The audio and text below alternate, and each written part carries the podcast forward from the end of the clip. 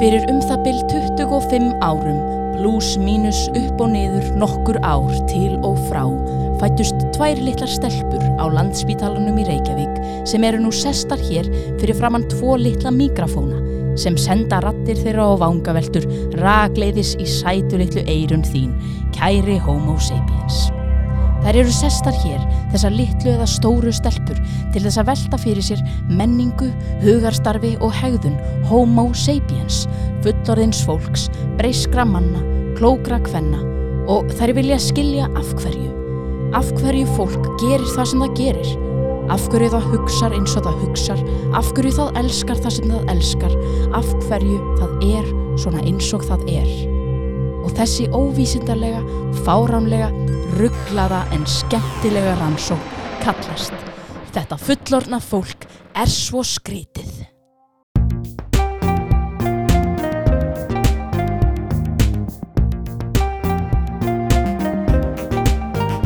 Þú ert að hlusta á hlaðvarpið Þetta fullorna fólk er svo skrítið með Önnulísu og Björk á útvarpi 101. Gestur þáttanins í dag er Kara Rós Valdarsdóttir, ferðamálafræðinemi og sérstök áhugakona um Egíptaland hið forna, sem er einmitt viðfangsefni þáttanins. Forn Egíptar og þeirra samfélag.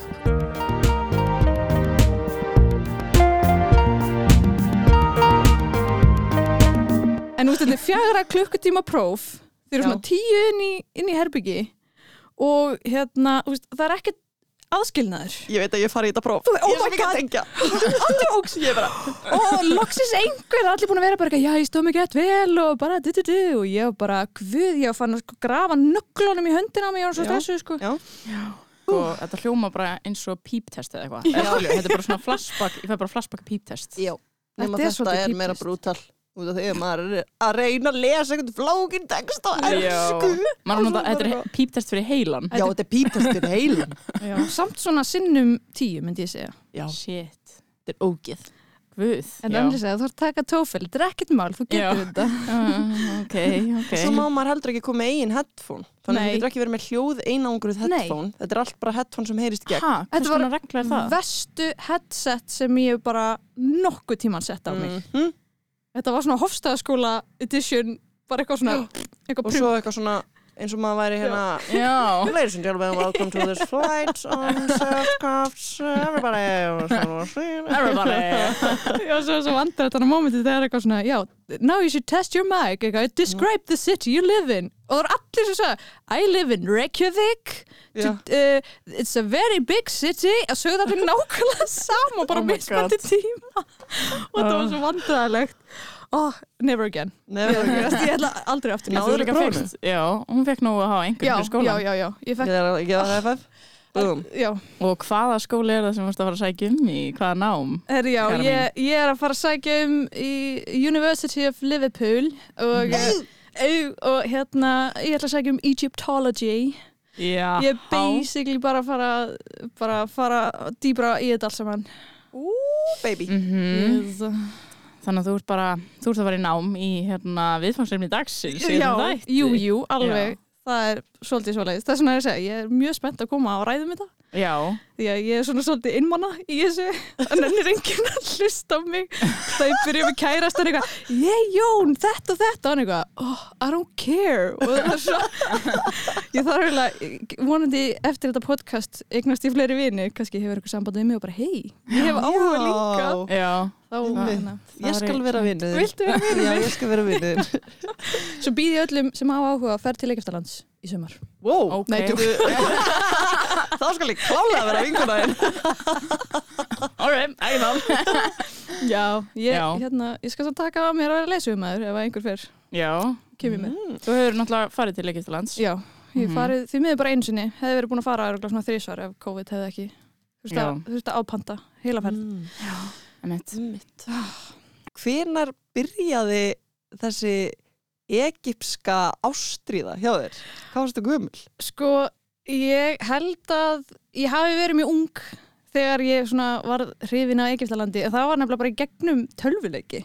Veist, það er ekkert beint neitt sem að bendir á Egyptalandin á Íslandi. Veist, það, Einmitt. þetta er ekkert í kringum hann. Þannig eh, bara þau sé tölvuleiki þá hérna uh, sá ég þetta hérna, einhvern veginn, sá ég þetta land og allt sem því fylgdi. Og, en svo var maður úlingur og var bara eitthvað í skóla og, og hérna, ég fó, pældi ekkert meiri því. En það var fyrir örgulega uh, nokkrum árum þá kemur út nýr törfuleikur sem heitir Assassin's Creed Origin og er basically bara byggður upp á þessari sögu og hérna sem sagt Ubisoft gefur út hennar leik og þeir actually fóru bara mjög langt að gera þetta rosalega accurate og fengur rosalega marga bara heimamenn og Egypto Egyptologist til að sem sagt gera þetta svona svolítið, já, bara svolítið eins og í sögunni. Og mér fannst þetta bara geggjaður leikur og svo er þið með svona story mode í lokin sem þú getur basically bara labbað um og það er bara sagtir söguna. Og ég maður þegar ég byrjaði að spila þá sá ég sagt myndletrin hérna, þetta kallast hieroglyfur þið getur að þetta þetta er bara svona myndir af fuglum og vatni og, og sól og eitthvað. En þetta þýðir eitthvað og þetta var sagt notað af faróum og uh, prestum. Þeir voru eins og gæti að lesa þetta í, í gamla dag og ég var bara eitthvað að fóra Google eitthvað can you read hieroglyphs? Og Google eitthvað yes you can read hieroglyphs. Og ég var bara oh nice og fór bara á eBay og pantaði mig bók how to read hieroglyphs og hérna Ok. Já, og þá, hérna, það var eitthvað svona fyrsta sem að ég var bara ok, mér langar bara actually að læra þetta eins betur. Og það var þá þetta myndletur. Mér langar bara að læra að lesa þetta og þetta er mjög flókið, en ég er svona, er komin aðeins á, á stað með þetta og, og hérna, og út frá því, þá svona, já, þú veist, faróar og, og, og guðirnir, þetta var allt bara geðveikt áhugavert fannst mér og því meira sem ég fór inn í þetta efni því bara, þú veist, var ég alltaf meira og meira spenntari bara yfir nánast öllu. Það var bara frá bara svona pot charts to pharaohs. Það var bara, bara Hvað er pot church? þetta er bara svona, þú veist, bara brot af pottum sem finnast, þú veist, þetta, er svona, mér finnst fordlega fræði mjög spennandi. Og alltaf þegar það er uppgröftur í Egiptalandi þá fylgist ég með og þau eru bara eitthvað, já við fundum bara eitthvað potta. Og ég eitthvað það er hægt að greina svo margt út frá bara veist, svona litlum hlutum. Og, og, hérna, og þetta er bara einhver, einhver saga sem að þetta er bara svo pústuspil og það vantar ógeðslega marga bita. Og ég er bara búin að ímynda mér svona, ég var til að hjálpa til að púsla þetta púsluspil Wow. já, fallegt. já. Það er svona pælt í þessu. Mm Vá, já, þetta er mjög spennandi. Það er svo mikið líka ó- óvissa einmitt og eitthvað svona, Já. er ekki margt sem er bara ekki vitað nei, einmitt. það er rosalega margt sem við vitum ekki ennþá í dag og bara eins og til dæmis píramítin í Gísa uh, við Er vitum það stærsti? þess að píramítin hans Khufu uh, þeir, að, hann það er ekki vitað ennþá í dag hvernig þessi píramíta er byggður.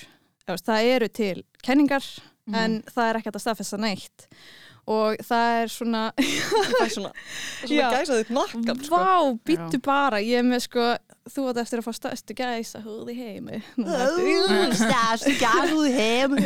En mér langar svo að gefa ykkur bara svona smá perspektíf af þessari sögu því að hérna uh, ef við bara skoðum ég heyrði hérna í fyrirlastri hjá Bob Breyer sem er einn Egyptologist sem ég hlusta á.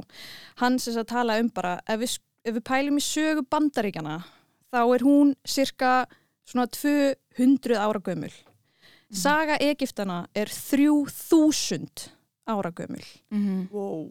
og, og svona ennþá meira mindblowing er sem sagt, ef við ímyndum okkur Kleopötru þá er sem sagt, við erum nær Kleopötru í sögunni heldur en Kleopatra og píramítarnir það er lengra á milli Kleopötru og píratana píramítar, pír, Píratana það, það, lengra frá Kleopötru og píramítana fyrir að frá Kleopötru og okkur?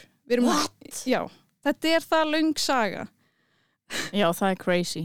Oh my þeir voru uppi ógsta lengi. Já, og, og það sem er svo áhugavert við þetta civilization sem sagt, er að það var tiltölulega óbreytt í 3000 ár og það stóð bara uppi í 3000 ár Og bara virkaði. það bara virkaði og, Mhm. og hérna bara eins og myndlist og, og, og, svona byggingar og eitthvað, veist, þetta var bara, þeir breytti ekki miklu og fóru oft svona hérna mm, veist, þeir hættu náttúrulega að reynda að byggja píramíta og fóru þá yfir í einhvers konar annar svona, en, en, en þetta var samt alltaf svona tenging Mhm. þú veist, þau pössu alltaf að, að hérna, tengja við alltaf svona sama ferlið veginn, þetta var já, hérna, já.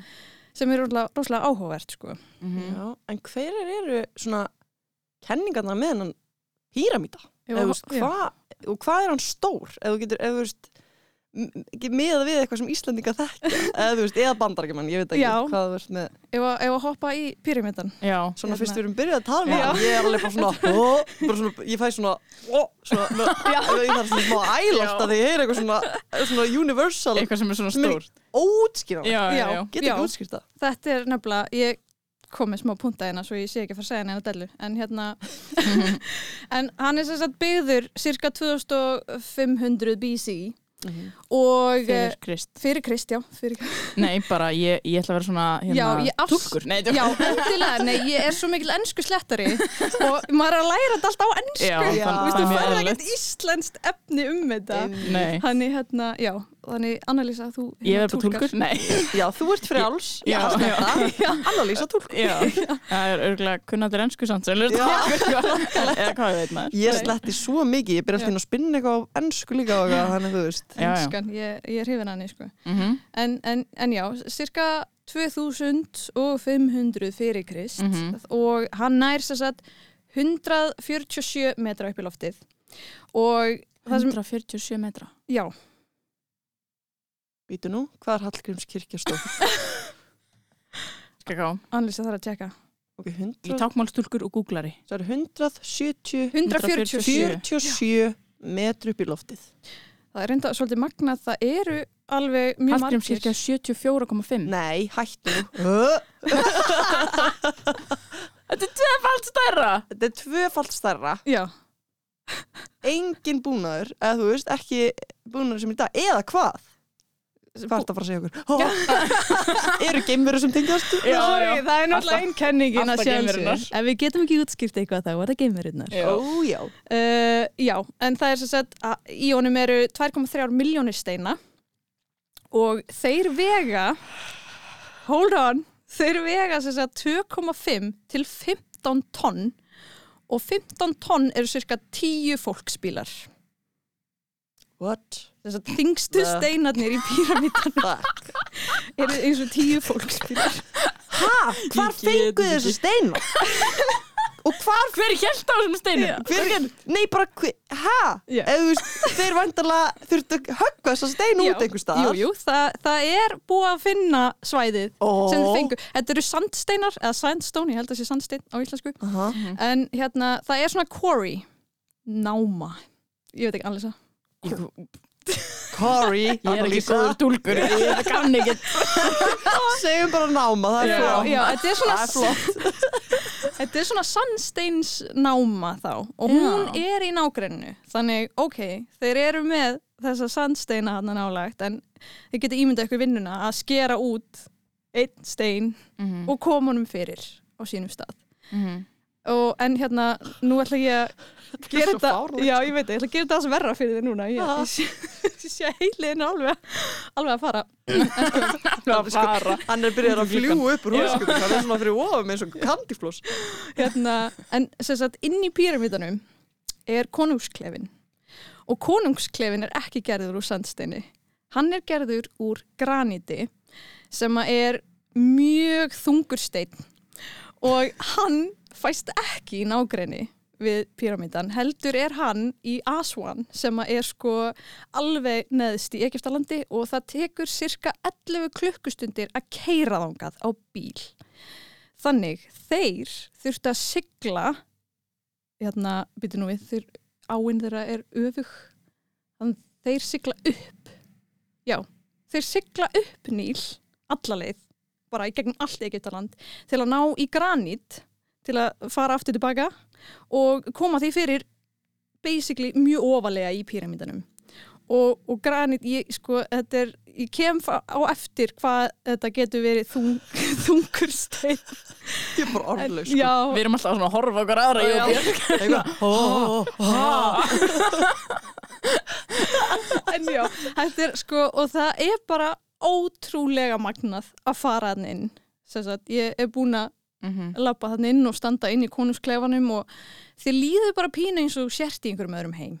Mhm. þetta er bara þetta, er, þú veist, þetta er magna og þeir eru svo þjætt vel settir saman steinarnir að þú kemur ekki einu svona kreditkortið þarna inn á milli.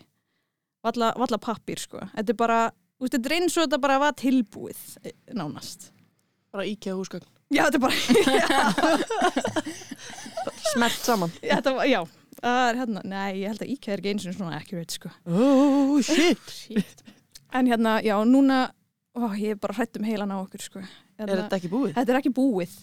Þetta er alls ekki búið. Hérna, nú er þið búin að fá svona ímyndina á píramídanum. Já, tvöfald hærri en hérna Hallgrímskirkja. Já, og hérna það, mér minna ég að lesa einhvern tíman að píramídin, það er búið að estimata að hann sé 99,5% fullkomin. Sem sagt, og ég er búin að lesa maður til um þetta uh, og skrifa smá rítgerð líka um þetta, er hérna að sagt, þeir hafa einhvern veginn fundið út True North eða bara fullkólna stefnu að norðri og byggt píramítin eftir því. Þannig að allar hliðar píramítan stefna í allar áttinnar fullkomlega. Og það er ekki vitað hvernig þeir, þeim tókst að komast að True North og það er alls konar kenningar svona mjög skemmtilegar og, og, en það er basically bara búið að segja þetta á ekki vera hægt. sko 99,5% accurate Bara, hvað þýðir það? hversu nákvæm er Hallgrímskirkja? ég veit ekki. En ef við erum að tala um þá bara hérna í hvaða átt nei, svo bara, þú veist, byggingin sjálf, þú Bara steinarnir- Pythagoras, Já, skilurðu. þetta er bara, Já, já, já. bara, the calc, bara, þú veist, reikning, eða hvað segir maður, bara, Já, já. þetta var bara, reikningsformúlan eða eitthvað? reikningsformunga var bara basically fullkomin. Og þú veist, ég held að þessum tíma var fólk bara með, þú veist, svona, þú veist, eitthvað svona hamar og chisel, bara eitthvað svona, já, þú veist, þetta var svona þróustu verkfærin. what the fuck what the fuck Ég er með fyrringi heilanum. hvernig, eða þú veist hvern oh, oh, þú veist hvern sko, fyrst þurfa þeir að högga út steinuna svo þurfa þeir að bera steinuna Mm -hmm. allaveg, svo þurfa þeir að gera steinuna nákvæm eða þú veist, ræða þeim, fullkomlega. alveg fullkomlega Já, það er enda búið, ég held að það sé búið að uppgöta hvernig þeir gerðu sér satt uh, grunninn mm og hérna og til að gera, þú veist, náttúrulega þetta er á svona plateau, ég, svona sléttu, já. Mhm. Þetta þarf að vera 100% slétt. Það er bara, veist, annað er ekki bóði, þú veist að fara að byggja píramíta. Þannig til að gera, veist, hérna, uh, jörðina fullkomlega slétta fyrir áður en að byggt, þá var sér satt grafið svona, uh, hvernig, bara svona, uh, onni í jörðina, smá svona hólu Mm. sem er eins og kassi í læginu Mm. og þeir heldu vatni onni og ef vatni flætt einhverstur upp úr þá var það ójæmt skiljur við. Ah. Þannig þegar þeir heldu vatni onni þá þurfti að vera fullkomlega slétt í öllum rennunum, já fattiði mig. Mhm, Mhm. mhm. Það er svolítið erfitt að útskýra þetta stundum. En þannig allavega er reikna með að þeir hafi byrjað píramítan Mhm. með þessu. já Þetta hljómar eins og bara eitthvað svona OCD, þú veist, þjóð. Allt er bara eitthvað hundra brásett fullkomið. Nei, nei, nei, það kemur vatn hérna upp úr, það kemur vatn hérna upp úr, gerði þetta aftur, gerði þetta aftur. Ok, guðinu, fyrir, fyrir vinningu fyrir fólki með OCD samt. Já, já, já, já. Ég ég veit, hvað er hérna, veist Ég fann að hallast að því að þetta fólk var eitthvað supernatural. Já, býtu, það er væntalega búið að gera tilrunir á þessu það er búið að reyna að herma eftir því að venjulegt fólk er að fer, ég hef séð allan eitthvað svona Já. myndbönd Já, að fólki vera að færa svona steina já, og það gengur ekki drosa vel nei, það gengur nefnilega ekki ekkert rosa vel og hérna já, ég held ég sé svona skorið út stein og set, út af því að svo þurft að setja þetta á báta mm -hmm. mm. veist, að setja svona hlussu stein og nákvæmt lítinn trébát er held ég ekki eitthvað easy task sko. nei, hvernig, en, en það er allavega hérna, það búið, veist, við vitum það að það voru menn sem byggðu píramíndana þetta voru ekki þrælar því að þú þarft mjög stert og hraust fólk til að byggja svona hérna uh, hvað segir maður, mannverki mm og hérna og það er búið sérst að finna grafir fólksins eh, hérna, þetta var mjög vel borgað eh, fólk þú veist, það hérna fekk eh, kjöt og bjór og brauð í hérna laun, það er svona basic laun á þessum tíma. Og, og svo svona hæsta honor sem þú getur fengið, það er að vera grafin hliðin á faránuninum og það er það sem þeir fengu allir sem að komu að byggingum eða, eða að, hérna, í það að byggja píramídan, það fekk að vera grafið nálagt píramídan þannig, þú veist, þetta var ókslega svona góð kvartning veist, og hérna, Mhm. og svo eins og ef við, ef við ætlum að tala um bara svona hegðun fólksins á þessum tíma Mhm. þetta var náttúrulega ógeðslega trúað fólk, þú veist, það trúði mjög mikið á Mhm. þú veist, guðina sína og, og enda var ekkert auðvelt að lifa á þessum tíma Þú veist, þetta var bara þetta fólk varð sko að mest, svona, það dó í kringum 35 ára sko það var, Já, ok. Já. þannig Bar svo marga steina. ha, Það fólk bar svo marga, Marga steina. steina. Ægvu. Nei, já, Bara, það var bara búið á því. Já, Já, bara já. sprungið Já. 35 ára. Og, og hérna, það er með þess að búið að finna út vinnutíman hjá þessu fólki það vann hérna, mér minni þetta hafi verið sérska svona þrýr mánuður í vinnu, þrýr mánuður í fríi og Mm. þegar Mm, Svona kokkavaktir. já, nema ma- í mánu. basically og hérna svo var tímabil þar sem nýláin var sem hæst og, og þá var hún sérst yfir öllu landinu sem ætti að vera að rekta og, og, hérna, og þá var ekki að gera neitt þá kom fólki að vinna við að byggja píramíta þannig svona, Mm. Já. þegar það hafði gett að gera á bænum þá kom það á Þá bara fór það að bera steina að bera 2,5 tonn. Nei, hvað sagði þetta var Til fyrir? 15. til 15, já 15 tonn. Já. Jesus. Jesus. Þetta, þetta, En ég skil ekki sko, ok, þetta eru nýjar upplýsingar. Ég, hérna, ég held að það hefði alltaf verið þrælar. já, nei, nei, nei, nei. En það, þetta make a sense, út af því að þegar fólk hefur trú á einhverju, aðra, Mhm. saman, Mm þá getum við gert ótrúlegustu hluti. Það er nefnilega það ég hef lift 15 tónum. Já. Jafnvel lift 15 tonnum, sko. Hvað er að gerast? Hvað, þú veist, var þetta fólk bara jafn stert og, voru allir bara jafn sterkir og sterkasti maður heims í dag, eða? já, það er, Sterkari? Sterkari, já. þetta er, já, þetta er nefnilega akkurat pælingarnar og, og það er líka búið að, að sína fram á að það voru ekki dýr sem að stróu steinana því að dýr geta ekki verið samtíma Þú veist, þetta þurfti að vera fólk Mm. sem að hýði á sama tíma því að þá færði miklu meira afl Mm. og hérna en já, þetta er samt bara óskiljanlegt. En hvernig, hvernig hérna, þú veist, virka þetta með faróin? Við- Eða þú veist, er þetta eins og konungs, eh, er þetta eitthvað svipað á kon, ber ber þetta eh, konungstafi? Sko hann, uh, faróinn var sem sagt uh, svona hann var guð en hann var guð í mannlegum líkama þar til hann dó. Þá varð hann guð. Þannig, Mm. já, fólkið ho, hérna, og svo er það þannig sagt, þetta fólk held svo mikið upp á dauðan einhvern veginn, það, svona, það var alltaf tilbúið að deyja því að svo kemur næsta líf og það er miklu betra. Þetta Já. er bara eins og okkar testrun, skilur og þau eru alltaf að undibúa dauðan sinn með akkurat píramítum og, og, og gera allt tilbúið fyrir faróin sinn því að faróin mun svo hugsa um þau í næsta lífi Mm. Wow. Þessum Þannig- svona auðvelt að púla bara við þessa steina, er það ekki? Já. Það er bara þetta á að vera erfitt líf og svo verður það betra. Já. Mega fullkomi sens, Já. fullkomi til að láta fólk vinna mjög mikið. Mhm. Já, þannig ef þetta væri svona í dag hvernig Já, Já, er þetta ekki smá svona í dag? Nema, nema það vant að trúna. Já, nema anda trúna og það er allir alltaf að vinna svo að þið getur chillað einn daginn þegar það er komið allt sem það þarf. Já. en svo gerist það ekki. Kapitalist samfélag virkar ekki. Það er að drepa jörðin okkar. Já. Uh, Já, Já, uh, það er Jó, rétt. skilabóð frá bjölunni Já, já, einmitt sko. En hvern, já, þetta, einmitt, þetta samfélag, kannski ættu við bara að taka þetta upp, ég menna, út af því að þetta virkaði mun lengur heldur en okkar. Við erum örgulega bara frá tortím okkur, eittur og bingo, Mhm. ekkert mál. Um, á miklu styttri tíma, Jú, heldur en Egiptarnir, hvernig hrundi þetta samfélag?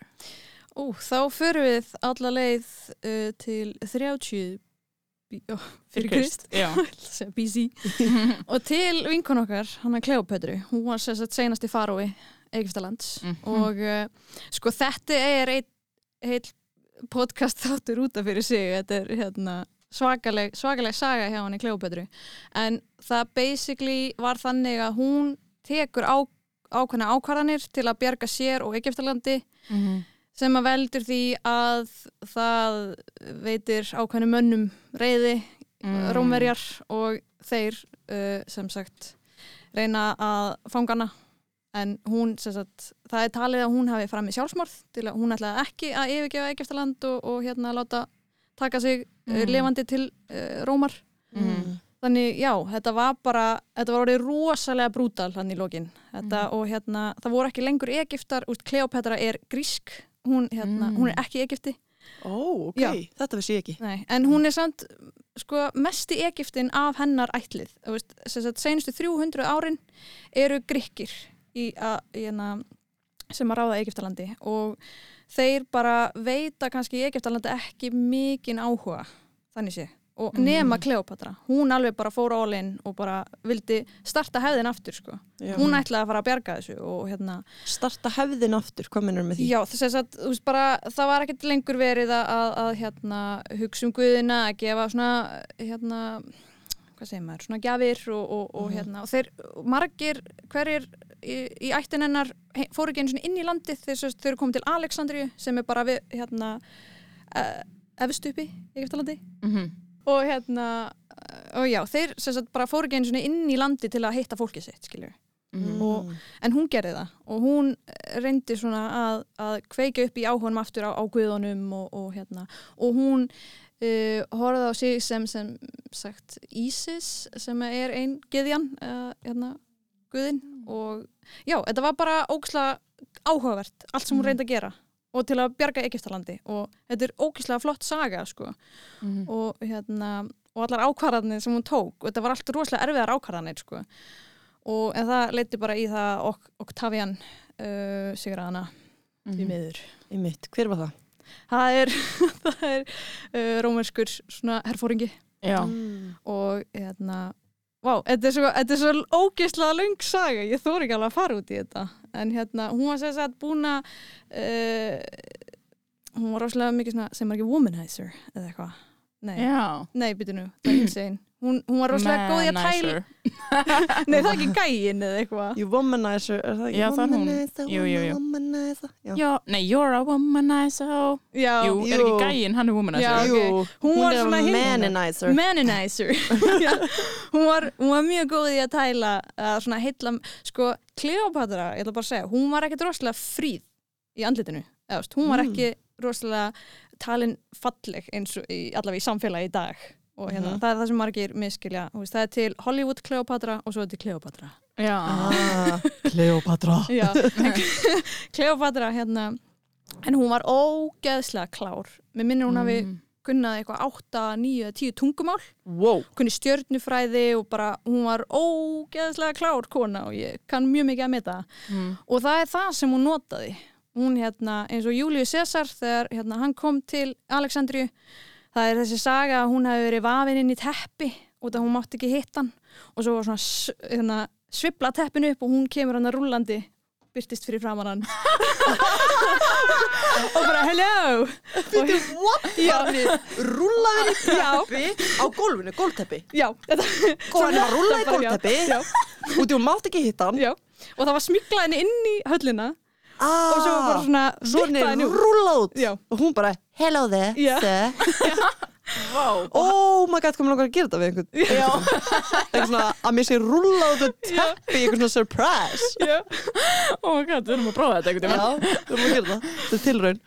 Já, en hérna allavega, hún fekk svona eitt moment til að heilla Július Cæsar og það tókst og hann var ástfangin af henni. Þetta hefði líka heitla Af mig. teppinu, oh my god, ok, þannig að, ok, ef maður vill að einhverju er ástókin af sér, Mm að rúla sér inn í teppi. Strákar, þið heyrið þetta, ef þið ætla að gera bónorð á næstunni, rúlið ykkur í teppi, láta ykkur rúlið ykkur út Já. og mæti mér hingin. ég er til í að heyra þessum sögum eða það virkuði ekki. Já, Eh, Já, Já. hann var fyrsti maðurinn áður og hérna og hún eignast börn með honum og, og uh, næsti maður sem hún næli sér í er, er sem sagt, hvað heit hann, Anthony eða eitthvað og uh, hann er var hann rómveri held ég hann, hann er allavega tengdur Octavian og ég held að hann Mhm. hafi verið giftur systir Octavian Ah, Já, og svo fer hann bara eitthvað til Egyptalands og giftist Kleopötur líka. Þannig að þetta er svona, Mm. veist, þetta er kannski smá, já, svolítið twisted. Hjölkvæni. Já, og hérna, en það var alveg eðlilegt á þessum tíma. Mhm. Mhm. En hérna, en já, þetta, og, og, og hún var byrjuð, sko, það má kannski segja að Kleopatra hefur verið að byggjum svolítið mikið. Og hérna, hún vildi fá þetta og þetta land og ef hann sigraði þetta þá vill hún fá þetta og krakkinn sinna fá þetta og, og, og hérna, hingrakinn þetta og Mhm. og Antoni fekk bara upp í kók hann bara, nei, þetta er bara allt og mikið og hérna, Freka kona. já, freka kona Hættu sko. nú. Hættu nú að byggja um svona Þetta er mikið freka svona- kona. klassist og hérna, já, þannig hann ræðist á þau og því miður var, ég held að, að, að hérna, þetta hafi uh, eða spardaginn hafi verið út á hafi. Uh, Egiptar er ekki miklir hérna, þeir eru ekki mikið fyrir að sigla á hafi. Þeir hafa, Mm. eru vanir að sigla bara á ánni sinni sem er mjög grútleg og þú veist, það, það var allavega sigrað hann, hérna Antoni sigraði þennan bardaga og þau flýja aftur til Egyptalands og það er bara ljóst að þau eru á leiðinni og, og þau eru ekkert að fara takast að sigra hann. Mhm. þannig þá kemur þessi dramatíska saga um að hérna, hún er mjög uh, flókin pínu, ég man ekki alveg en það endar sem sagt með að, að hérna, hún segist hafa fram í sjálfsmál, hún er búin að innbyrða sig einhver staðar inn í einhverjum turni eða eitthvað. Og Antoni er svo hérna, sorgmætur að hann tekur sverðið sitt og drepur sig. Og þegar hún kemst að því þá, hún var ekki búin að drepa sig. Og hún er ekki, nei, komið með hann. Og hann er borin til hennar. Ok, Róma og Júlia. Já, og hérna já, og, og, já, og hérna og svo deyr hann hjá henni og svo er hérna Octavian kominn og heimtar er að reyna bara að brjótast inn. Og það er sagt að hún hafi látið smigla inn körfu með hérna ávöxtum en það var snákur í körfunni Biblían. The Bible. já, og hérna og hún tekur snákin og sagt lætur hann býta sig og hún uh, deyr Wow. Wow. þannig hún vill ekki láta, sig, uh, láta Octavian ná sér á lífi út af því að hann Mm. ætla að leggja hann og láta hann að ganga um götur í, í, uh, sagt, Mm. í sínu heimalandi og það er ekki fræðilegur og hún ætla að fara utan Egyptaland Mm. Ok. Mm. Já, Vá. Þannig er svona reyndið þetta. Já, Kanski byrjaði svolítið með því að fólk misti trúna þá. Eða? sko nei, það voru náttúrulega grísku guðinni líka Þa, það sem Mhm. var svo fallegt á þessum tíma er að þegar grekkir byrja að koma inn í Egyptaland út af því að hann Alexander the Great eða við heyrtum hann Mhm. hann sem sagt bjargar Egyptalandi frá svolítið svona foreigners sem eru að taka yfir og Alexander er bara all in að verða Egypti og Mhm. hann er mjög stann ógislega flottur og hérna, og hann akkurat er bara all in í trúna og, og, hérna Mhm. og hann kemur með sína guði og það er oft svona samin að guðina og, veist, það voru, Já, ok. og það var ekkert eitthvað nei, mínir guðir eru betur en þínir guðir veist, þetta var bara eitthvað allir guðir eru cool og, og Wow, hérna, já, Það og, næs. já Mm. og það er oft hægt að finna bara svona, veist, hérna þeir tengdu oft bara, já, þessi er svolítið líkur þessum, þetta er eiginlega bara svona sami guðin eða eitthvað, þetta bara Mhm. já, þetta var ekki vandamál allavega að Mm. svona tvö hérna, Trúabröð var í gangi já og, og Mhm. þá var þetta bara eitthvað svona, já, heyrðu mig sem þessu bara saman, það er bara cool Já. og, ég held að, þú veist, fólk var ekkert búin að missa trúna þarna, ég held að það var frekar bara, þú veist, fólki á undan Kleopötru gerði ekki neitt fyrir Egyptaland þetta voru Já. bara algjörur aular ættingar hennar, sko Já, ok. Mm, Þannig þar byrjar þetta. já, Svolítið svona Mhm. downfall. já, það gerði ekki mikið fyrir fólki sitt, þannig að fólki Mm. var ekkert eitthvað ógislega ánægt, myndi ég segja Nei. Mm. en já, En Ok. er eitthvað meira svona eins og hérna, þú veist, nú erum við búin að ræða píramítana. Þau voru Mhm. Crazy in the brainhouse. mm Þú veist, er eitthvað meira svona dótt sem er ekki hægt að útskýra? Já, ég er með eitt bara uppáhaldi mitt. Ég, ég vissi sko, ég vissi aðeins af þessu þegar ég fór til Egyptalands en ég vissi ekki að var að fara að skoða þetta svo allt í nú var ég bara komin ágað og ég var bara eitthvað nice og, Nice. og hérna, vá, ég mæli svo ótrúlega með því að allir fara að skoða þetta því að það var engin annað og það var engin túristar. Og Ok. hérna þetta heitir uh, þetta heitir Serapeum eða ég held þú segir Serapeum á ennsku Mm. og þetta er sagt byggt miklu nær Kleópetru tíma. Þetta er alveg, þetta er cirka 300 fyrir Krist. Okay. og þetta er sagt grafhísi fyrir uh, The Apis Bull þetta var uh, Apis uh, nautið. Og það var bara ákveðin svona guð eða þannig, þetta var bara svona pampered naut sem að hafa gert allt fyrir og puntað og gefið gett mikið mat og bara worshipped og Ok, hversu næs að vera þetta nöyt sko. Að þetta var algjörlúksu sko. Og hérna og svo þetta svona flott nöyt þurfti að fá flotta gröð náttúrulega. Já. og hérna flotta kistu. Og kistan var úr graníti sem sagt. Þá var allir koma að betur í þetta granítstöf en hérna já, þegar þú ferð inn í þetta serapeum þá hérna, kemur svona langu gangur og inn í þessum gangi eru svona nokkur hólf og inn í þessum hólfum sem er ekki stór eru granítkista sem sagt og mér minnir að séu 24 kistur hann núna og Og graníti allar. úr graníti, allar úr graníti Ok. og hólfið held ég, minni mig er bara svo stórt að þú getur basically lagt eina hendina á, á kistuna og þú nærð þá í hliðina skilju, það er Mhm. hérna, þetta er ekki mikið svigrum hérna á milli og já, kisturnar eru gerðar úr graniti og eins og ég segi það tekur hérna 11 klukkstundir allavega keira til að ná í granít og aftur upp og við erum að tala um að ein kista er með lokinu er cirka 90 tonn Ha? Já, Og það eru 24 kistur. Já. Sem sagt þingstu kisturnar eru þá er, þá er cirka hérna kistan sjálf eitthvað um 60 og lokið eitthvað um 30 Ég skil Ég ekki er neitt ekki að ná þessu sko. Er ekki bara eitthvað gemverur á vappinu sem svona mætin á milli, þú veist? Já, Ég er bara eitthvað, heyrðu þið að það er að flytja þetta granít. Já. Það er alltaf að flytja eitthvað. Já. það, það er einhvern veginn alltaf eitthvað svona, ef eitthvað er flutt eitthvað um eitt, það þetta færðist. Já, komið geimur og færði þetta. Já. Það er alltaf komið og bara færa þetta. Bara af öllu sem það myndi gera Þá er það bara komin til að hjálpa mannfólkinu að Já. færa óksla þunga hluti Já. Já.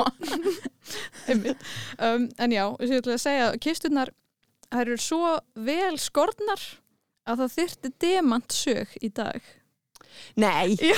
nej, for helvede mand Det er ikke godt for mig brain Det det op på Stop nu. hovedkuben Du skal stoppe nu. Nu skal du stoppe Og hvað? Jeg bliver dansk på for det. Og hvað? Og hvað? og þær eru bara þarna fullkomlega stiltar inn í hólfinu sínu það er sem sagt þú, þú veist, þú færir þetta ekkert einhverju fjóri menn bara inn og inn í hólfið þú veist, en þú hefur samt ekki aflið eða svæðið til að draga inn kistuna í hólfið Ég er með nýja samsæðiskenningu ok, Ég held að við munum finna grafir bráðum Annarlís Býta á sér vörina hérna Hún er svo tenn sko.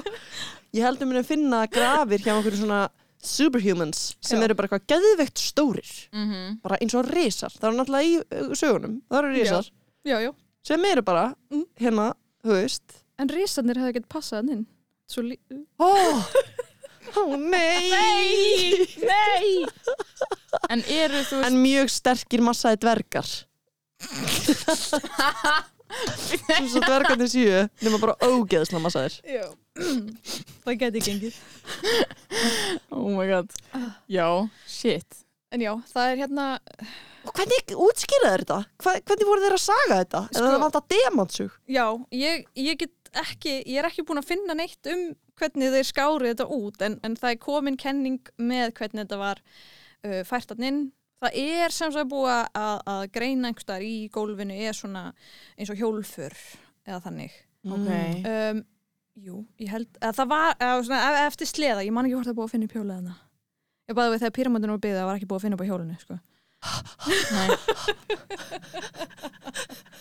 Þetta er ekki lægi. Það er ekki lægi Það með er ekki lægi hérna. Þess að ekki það sko Já, en já, svo líka fundið einhverja svona restar af, ég man ekki hvað það kallast, en þetta er svona til að akkur svona uh, láta síga svona band og, og, og mm. ég veit ekki hvað það heitir. um, Er það með þetta? Túlkur? um, Uh, Er þetta ekki að tala um svona eins og uh, hérna gru, ekki, ekki grufu heldur hérna liftara er eitthvað manual liftari. Já, þetta, þetta var allavega eitthvað, eitthvað svona tól til að uh, láta síga og hýfa. Mhm. Mm. en hvað maður veit að hversu stert það þurft að vera. En, en, en svo líka, ok, eitt í viðbót. Oh, það verður alltaf verða að vera, sorry. Hérna, líka hólfin sem kistunar er í það eru aðeins neðar en sem sagt, það sem þú stendur og hor, þú, horfir niður í Mhm. hólfið. Þannig þær eru svona niðri Mhm. og það er enda svolítið valid kenning Mhm. að það hefur verið fyllt af sandi Mm. sem sagt, og sett kistuna óna sandin og svo múkað sandin í burtu og þá svona sígur hún niður Býtu und undan Býtu. já, það er móka bara undan kistunni Já. og þann, og svo er bara hérna voðalega voru þær að flækja lífið fyrir sér Já Og líka sko mín spurning er líka af hverju granít skilur já, Af hverju var það? þetta er bara flottu steitna eitthvað ég er ekki alveg viss. Kannski var þetta eitthvað, er ekki búið að koma eitthvað svona þetta er trúarlegur steitt sem geymir líki þannig að komist í hi- hinum Í megin í góða- undir heimana Já, og já. það væri bara mjög svona góð útskýring. Já, ég var bara ekki alveg Já, ég þarf bara að kynna mig betur þessa tengingu við granítið. Já. Já. Þetta er allavega sterkur steinn. Þú veist ekki að fara eitthvað þú veist, það er kannski máli, kannski bara út af það er ekki, það er náttúrulega, það sem þeir voru mest trættir um eftir dauðan er að fólk koma skemmt í grafina sínar já. Mm. og, og hérna, og þetta var náttúrulega uh, ástæðan fyrir að þau mömmufæja, hérna, fólkið er, þetta er svona múmjur Mhm. búið til múmjur, er til að varðveita líkamann, því að þú getur ekki farið í næsta líf eða þú ert ekki með líkama. Ú.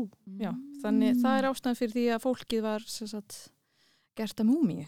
ah, ok Þannig að það mátti alls ekki skemma múmíuna því að þá hefur engan líkama. Einmitt, Ok. og nú erum við bara að grafa upp Já. og hefur ekkert En- eitthvað svona uh, supernatural dót Nei, eins og það er alltaf að, Já. það er alltaf að vera að fjalla um myndir um þetta og eitthvað. Nei, það, það kom náttúrulega, það var eitt rosalega vinsælt þegar var verið að finna gröfin hans Tutankhamons. Uh, uh, The Curse of Tutankhamon var alveg, þetta var árið 1921 eða eitthvað.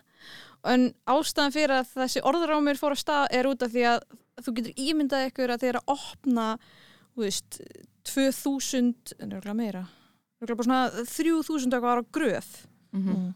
þú veist, bara andrúnsloftið þarna inni uh, veist, það er eitthvað svona fál bara, það, þú veist, þetta er Mhm. ekki gott loft þarna inni Nei. og, þú veist, hérna, og það varveitist alveg einhverju svona, veist, að það geti verið eitthvað mikla veist, og hérna þannig alltaf þegar að opna grafir í dag það þarf að, það má ekki fara strax inn sko. það þarf að lofta Mm. en það er það sem kom fyrir einhverja einstaklinga sem voru að, að, að hérna, grafa upp gröfina hjá þessum uh, fræga faróa að hérna að hann bara veiktist, hann fekk bara eitthvað einhverja sýkingu og, og hérna einhverja einhverja Mm, og hann dó og það var bara it's cursed. Ah, auðvitað. Já, ég myndi líka gera þá tengingu sko. Ég var einmitt að hugsa sko hvort það var eitthvað svona Egipta afturgöngur. Já, Egipta zombie. Já. Það er náttúrulega klassíst sko. Ég, gæti ekki tala því að segja Egipska zombie en það er ógislega erfitt að segja það. Prófa að gera það, kjær hlustundur Egipska zombie Egypska ok. zombie. Ekkert svo erfitt. Já, ég er bara búin að bræða heila en svolítið já svolítið sko. Já. þetta er líka þetta með þetta myndmál sem þú varst að tala um áðan. Já, bara þeir hafi verið með sér tungumál og bara Já. verið eitthvað að höggva inn í einhvern stein, einhverja fuggla og já. minnst þetta magnað sko. Þetta var mjög Já. heilagt tungumál þess vegna mátti líka bara, bara fara á einn og prestarnir kunna al, Mm, mm, almenni borgarinn vissi ekki. voru það allt menn? Eða þú veist, er Kleopatra eina konan sem var bara eitthvað svona? Nei, Það er alveg nokkrar merkilegar konur sem að rísu upp og, Mhm. en því miður var alltaf einhvern veginn maður sem að tók þær niður. En hérna þannig feðraveldi var bara ennþá í fullum gangi þannig Já, það mætti alveg að segja, en það er samt, sko, það er ótrúlegt hvað konur höfðu mikil réttindi á þessum tíma. Þau máttu eiga sitt eigi land og hús og þær máttu skilja við kallinn sinn og fara burtu með börnin og, og bara, þú veist, þetta var svona, þú veist, þau máttu kjósa, þau máttu gera þetta, þau máttu vera bændur, þau máttu vera allt, sko. Það Já, var ekkert, ok. Ok. en, en hérna, en sko, já, en svo einhvern veginn, eins og ég segi, það helst allt einhvern veginn eins og það átt að vera. þú veist, og um leið og kona varð kannski farói það var ekki alveg rétt. Út af því að faróin átti alltaf að geta prodúsað, eignast börn og, og hérna, þú veist, það er sem sagt, þetta tengist allt ákveðni sögu um hérna, fyrstu guðina eða, já, sem sagt, eða eina fyrstu guðunum og það er sem sagt sagan af Osiris and Isis. Þau eru sem sagt sískinni og par Æði. Já, já, bæði vei, þú veist, faróar giftust alltaf sýstinni og hérna, þetta var svolítið, já, en það var bara mjög eðlilegt og það er sérst fyllt þessari sögu af Isis og Osiris og þau eignast sonin Horus og hérna Horus, Ok, þetta er rosalega spesnöfn, sko. Oh, en þetta var smá fimm ára hjá mér. Orvis Hvað var þetta með hór?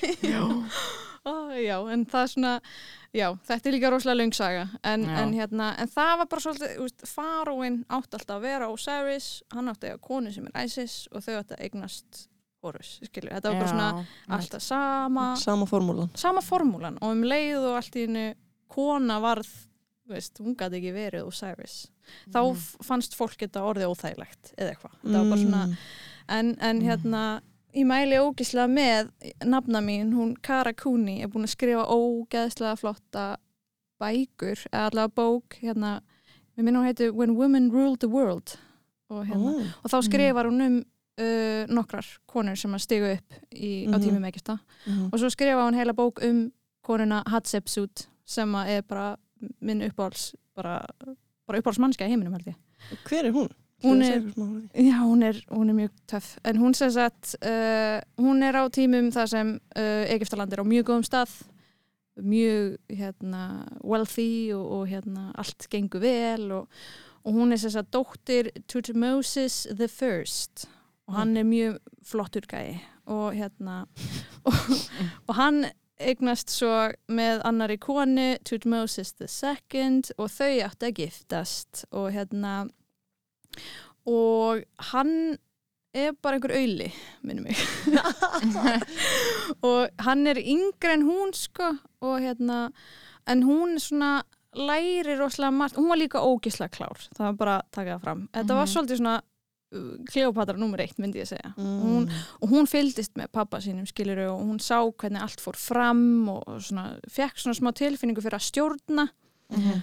og hérna en svo nú, við, hvernig, já þau eignast held ég eitt bann og svo hérna hvort hann hafi eignast svo bann með annari konu sem var Tutmosis the Third og svo, já, það hétt allir eiginlega það sama, nema bara fyrsti, Tutmosis. annar, þriði Tutmosis the third. Já, Tutmosis, það þýðir sem sagt hérna Thoth is born Eh, þess- þess- þessi öll nöfn Mm. þýð eitthvað þetta er ekki, hérna, já þetta er, þetta er tungum, þetta eru svona skriftinnar hann sem ég er að læra að lesa. En hérna, og já, svo deyr hann og, en þá er Tutmosis the third alltaf ungur, hann getur ekki tekið við, hann er bara hvað teggja ára. Hún er orðin svona 11 ára eða eitthvað. Og hún hérna og náttúrulega pappi hennar er dáin líka og, og hún bara svolítið tekur við 11 ára. já, já, það er bara eðlilegt sko, því að þau deyja náttúrulega bara hvað 35 Alveg styttra. rétt. já, þannig hún er bara orðin fullorðin sko, það er svona Mm. pínu og hérna en hún allavega er bara eitthvað, "Heyrðu, já ég verð bara hér það til hann er orðin nú stór bara engar áhyggjur þetta, hérna, ég er bara stígin í og, og, og hérna, hún bara stendur sér vel og, og hún passar að, að allt fólkið svona the elite hvernig segir maður bara svona Elítan bara. Elitan var alltaf ánægð og hún gaf Mhm. þeim alveg nóga pening og mat og alls konar gersemum og, og hérna og hún, henni tókst að fara rosalega merkilega svona uh, leiðangur að svæði sem heitir Punt það er ekki alveg búið að lóketa það þá í dag minnum mig, Mm. já, þetta hétt bara Punt og þetta var rosalega flott og hérna, og þar var einhver hvort það var prinsessa eða eitthvað sem var gett feit og hún alltaf bara döðlur eða eitthvað og, og hérna. Ógeðslega specific. já, já, það er sko það er nefnilega, þú getur farið og séð hérna, hérna, hvað segir maður? Bara svona monument hennar Hatshepsut í Egiptalandi og þar Mm. sérðu alla sögun hennar þegar hún fór til punt. Já, og hún er búin að, er að skrifa allt niður og það er, er ógeðslega flott sko. og þar getur lesið, eða svona ef þú kannt hieroglyphs, þá getur Ég þarf að fá þig með mér. Já. Ég skal- já, förum öll saman hérna, já, það, það getur þú lesið allt um þennan uh, successful hérna, leiðangur og Ok. hún kemur tilbaka þú veist, það var ekki alltaf sem svona hefnaðist en, en hún kemur tilbaka með ógeðslega mikið nýju exotic dóti og bara trjám og, og það fengu allir ógeðslega mikið út úr þessu og það voru náttúrulega allir orðinir rosalega hrifnir að henni bara, Mm. wow, þetta er hún er duðleg Þessi gæla með þetta. gæla með þetta og, og það tala um að þetta var time of peace. Hún fór aldrei í stríð. Okay. uh, og hérna á flott á, á veggjum hennar þá getur við séð þess að flestir hefðu sínt svona kallmenn með hvað segir maður, bara svona spjót og sverð og eitthvað. Allir kallanir held á svona weed eða svona hérna, strá, já, Hveitistrá. hún bara Ok. búin að skipta þessu út einhvern veginn og hérna Þetta er svo classic. Var ekki bara miklu minna um stríð þegar að konur voru við völd? jú, það er nefnilega það er smá tengingarna, en aftur á móti er það líka slæmt mm. á þessum tímum því að það var alltaf uh, utanakomandi hérna, ók, ók. já.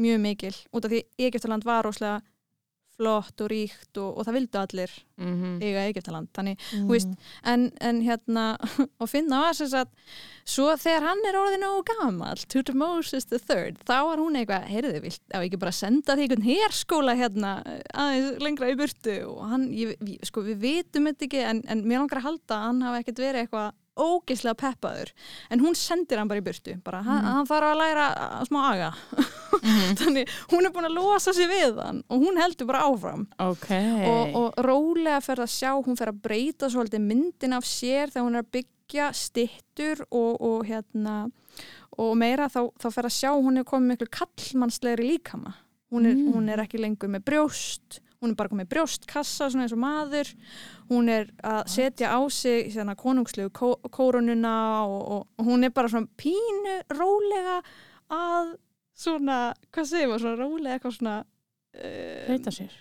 Já, eða, án þess að fólk, veist, þetta var ekkert svona skyndilegt, veist, hún var ekkert eitthvað bara ég er farói, en hún svona rólega bara síndi það Mhm. á öllu svona. og, og eða svona, já, þetta, þetta var svona smooth, hún var ógeðslega smooth og hérna, en svo kemur það fyrir að, að hérna, á einhverjum tímapunkti þá, uh, hvernig enda þetta aftur? En já, Tutmosis náttúrulega kemur aftur tilbaka, hann vill bara fara að fá ríkið sitt og þau ríkja held ég í smástund saman Mm. og en svo hérna, mér minnir hún hafi bara dáið og það, svo er sem sagt spurningin um hvort að hann hafi verið svo ógislega reyður út í hana að hann rústaði öllu og, sem að hún byggði og stróka át nafnið hennar Oh, Svo dúdlegt. Oh my god, En- þessi en- Tudosis third. Nei, I býð, like him. hold on Oh, okay. Ok, Sko, ok, ok. Þú veist, það er svona skemmtilega sagan eða þannig en, Mm. sko, en Ó, svo er búið að koma staði að þetta gerist ekki fyrir en sko mörgum árum eftir hún dó þá var allt í hennu stróka allt út þannig það eru kenningar um að þetta var ekki hans hugmynd heldur að Elita var svona, heyrðu, það er ekkert rosa cool að það var kona hérna við þurfum eiginlega að Mm. breyta þessu við þurfum að fara Það er ennþá tilbaka mér að classic. Já. Já, já, svona já. hópur af Köllum. efstu stjættum. Já, þannig sko hvort að hann hafi verið veist, ég efast um að hann var ennþá holding a grudge mörgum árum Já, setna kannski ekki. Mm, Já, En hann kannski þjónar þeim.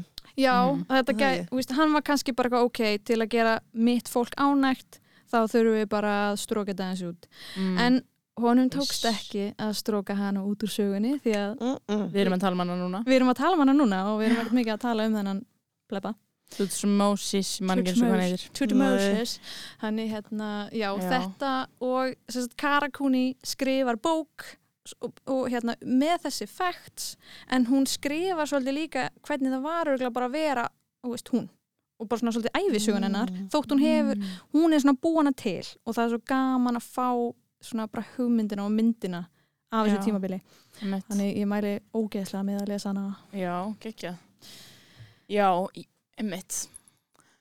Ég er bara að pæla að, þú veist, manni finnst þetta svo ókslega áhugavert Mhm. og af hverju finnst mann þetta svona ótrúlega áhugavert?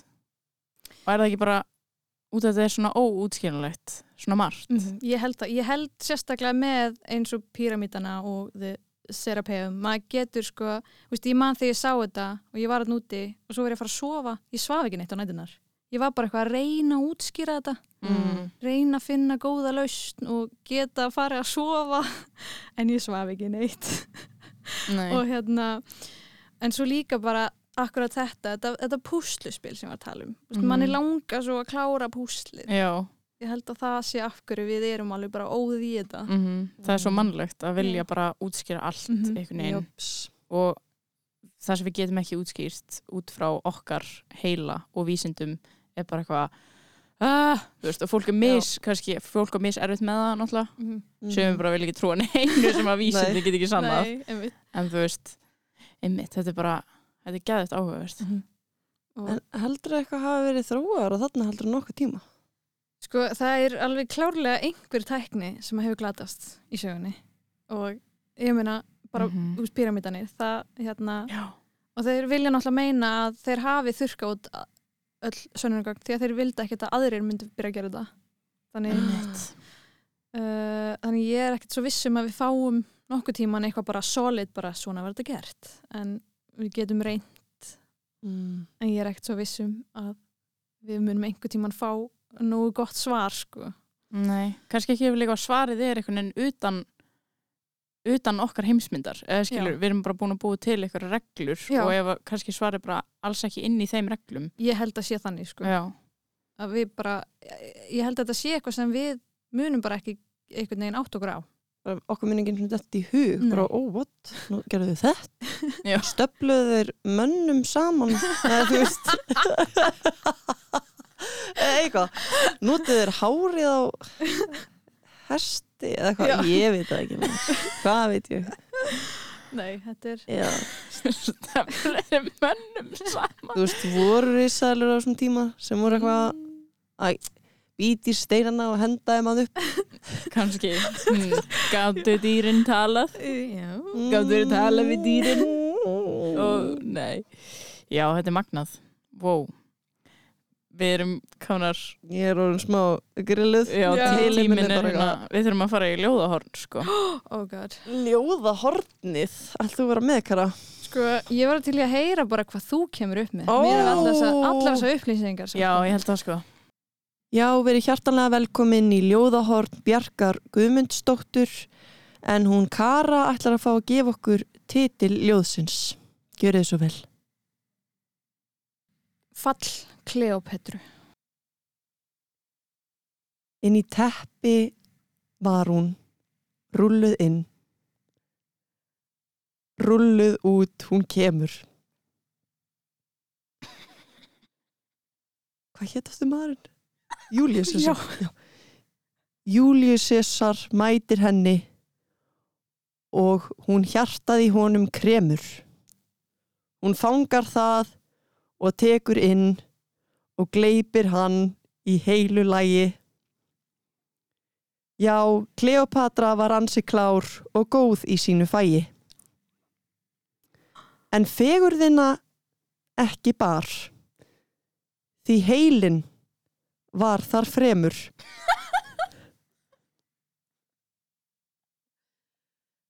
En koma því að hún giftist aftur, hvað hétt hann? Antoni Antoni með henni kemur. En Octavius sá sér leik á borði og stríðið kemur það berst til Kleopötru með orði. Út á sjó þau berjast, Egiptar tapa. Hún loka sig í turni lengst upp á klettastapa. Hún fellur í svefn en hvað hétt aftur maður? Antoni Antoni hún fellur í svefn en Antoni sker sig með sverði. Hún hóar hún vaknar og hún kallar í nokkra verði. Hún uh, fær uh, körfu og þar er lítill með litlum snák. Hún drepur sig og öskrar til hvað hétt maðurinn? hún drepur sig og öskrar til Antoni skák og mát bitch oh. Hvað hétt aftur maðurinn? Vá Úf, þetta Þetta var er langt sko. síðan ég hef rýmað sko. Já, ég var að vonast eftir smá. Rýmar á milli erinda með þess að líka sko. Þetta var alveg mjög, þetta var magnað sko. wow. Við þurfum að skrifa þetta niður. Já, Já. og, og, og gott að hafa innskotin líka. Já. hvað hétt aftur maðurinn? Antoni Óttægir Antoni, Július fannstu það ekki Ég ætla að fara að segja hérna, Jésu.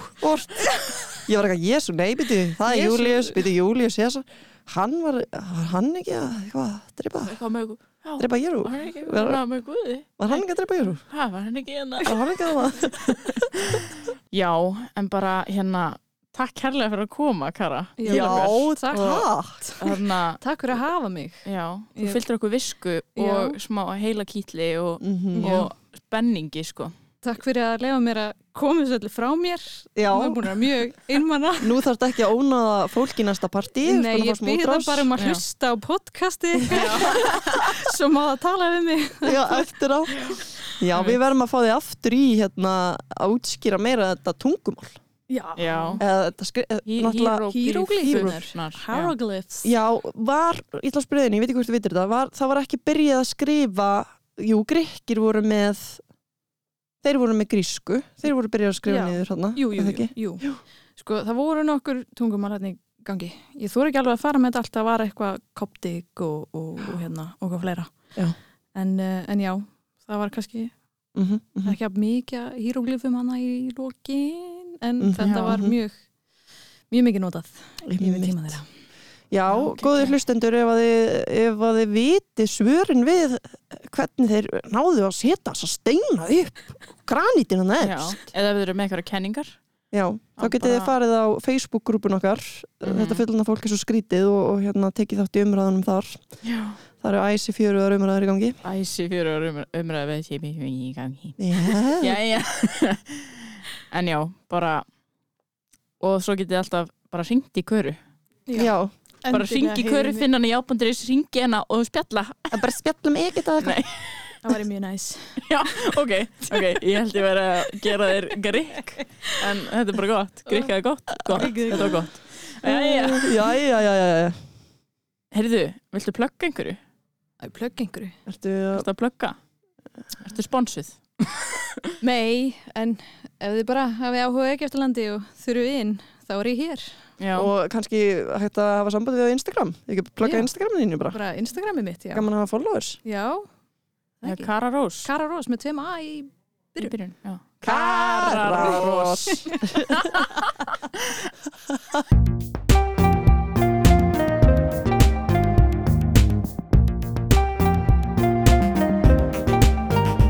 Þú varst að hlusta á hlaðvarpið Þetta fullotna fólk er svo skrítið með Önnulísu og Björk á útvarpi 101 og hver í raun og veru erum við?